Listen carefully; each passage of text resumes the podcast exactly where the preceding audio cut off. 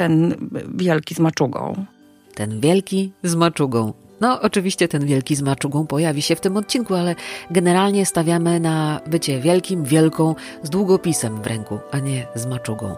Z długopisem albo tam z ołóweczkiem, co kto ma, naprawdę, bo pisadło w naszych czasach, takie analogowe, to jest przepotężne narzędzie. Magiczne. No a przy okazji też y, przypomniała mi się kreskówka Zaczarowany ołówek. To jest taki serial, który robił semafor od 1963 do 1977 roku. Ja się załapałam i to było absolutnie fantastyczne i otwierające wyobraźnię. Tam był taki chłopiec, który miał taki ołówek, a ten ołówek wyczarowywał wszystko, co się narysowało. Swoją drogą dobrze jest umieć rysować, ale najlepiej jest umieć pisać podstawowa umiejętność, kiedyś nie tak znowu bardzo oczywista. Ale zostawmy to na boku. Tymczasem zacznę tę opowieść od prezentu, prezentu od Magdy, a potem dojdziemy do Neandertalczyka z maczugą. A z tego prezentu naprawdę sama korzystam od paru dni i uważam to korzystanie za wielce korzystne. Przepis na zmianę w dzienniku zmian. Magda Sadłowska. Są sposoby dzięki pisaniu, konkretne ćwiczenia, które natychmiast przynoszą ulgę. I w prezencie gwiazdkowym dla naszych słuchaczy mogę opowiedzieć jedno. Okej? Okay? Dobra, no to w takim razie do zapisania. W momencie, kiedy mamy jakąś trudność, kiedy coś nas przygniata, bierzemy kartkę papieru. Dobrze by było, żeby to nie była w notesie, tylko żeby była taka zupełnie osobna, więc bierzemy taką kartkę papieru i zaczynamy pisać. I w ogóle nie chodzi o żadną gramatykę, o składnie, ani o piękne literackie sformułowania, tylko siadamy i piszemy to, co nam przychodzi do głowy, zaczynając od słów boję się. Boję się, że ta audycja wypadnie nie tak jak trzeba. Boję się, że się będę jąkać. boję się, że nie zdążę ze świętami. Boję się, że pierogi będą zasłone. Boję się, że prezenty, które kupiłam, kupiłem, będą nieadekwatne. Boję się, że to ostatnie święta. Boję się, że będę sama. Boję się, że nie zarobię w przyszłym miesiącu. Boję się, boję się, boję się. Piszemy po prostu, co nam przychodzi do głowy, boję się psa sąsiadów. Wszystko, co nam przychodzi do głowy, to nie ma znaczenia.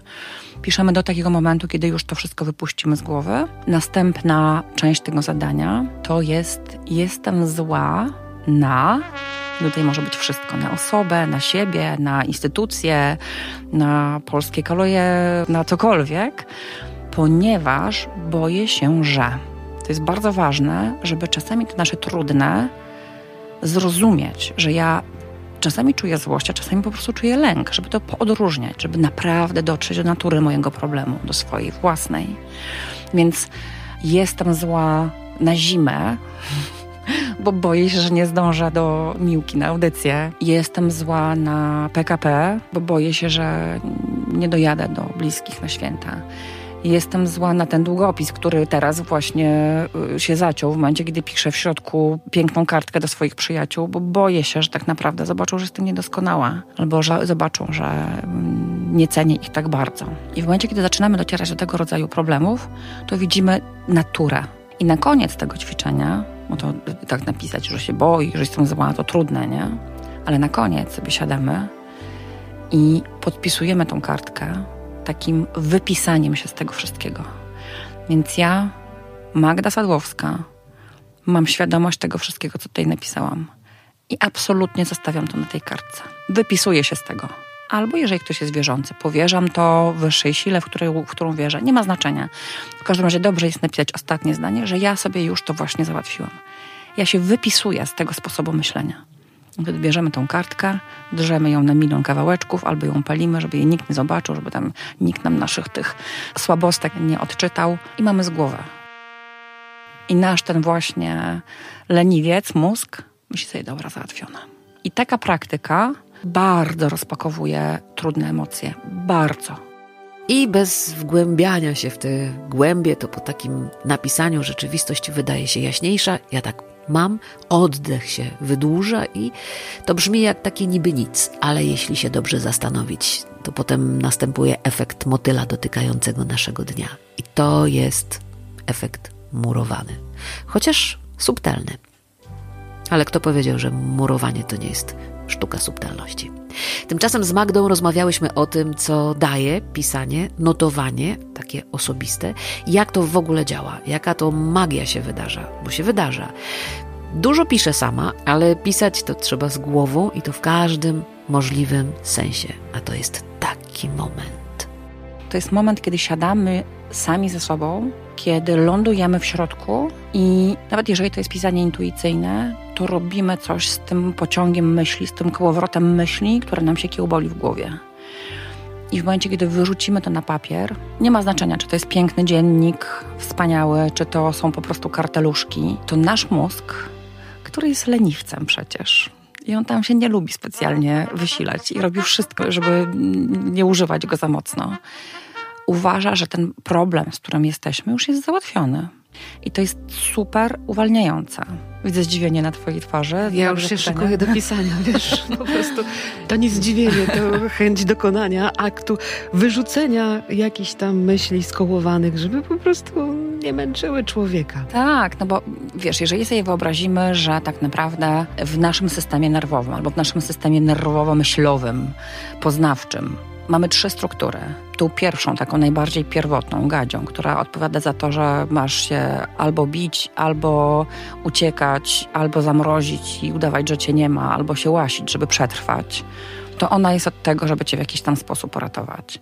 Druga już ta sacza jest od tego, żeby wytworzyć więzi i emocje. A ta najnowsza, koranowa, której nadajemy największe znaczenie i uważamy, że jest taka bardzo doskonała, tak naprawdę jest neandertalczykiem. Wyobraź sobie, że ta koranowa, ten nasz umysł, rozum, któremu taką wielką wagę przypisujemy, to jest taki wielki osiłek z maczugą, który został wytworzony po to ewolucyjnie, żeby tworzyć strategię na ten moment, kiedy wyszliśmy z jaskini, z naszego takiego ciepłego grajdołka z naszymi najbliższymi, zaczęliśmy wędrować. No i on jest nastawiony na to, żeby wyszukiwać różnego rodzaju zagrożenia. I on nie rozumie, ten wielki z maczugą, że to, że bliska osoba do nas nie dzwoni, to nie jest zagrożenie. No i ten wielki z maczugą, ten nasz umysł poszukujący zagrożenia, to nasze dobro strzegące przed złem, może zostać obłaskawione właśnie za pomocą długopisu. Pisanie niezwykle mocno polecam. Napisałam kilka książek i chyba na tym nie poprzestanę.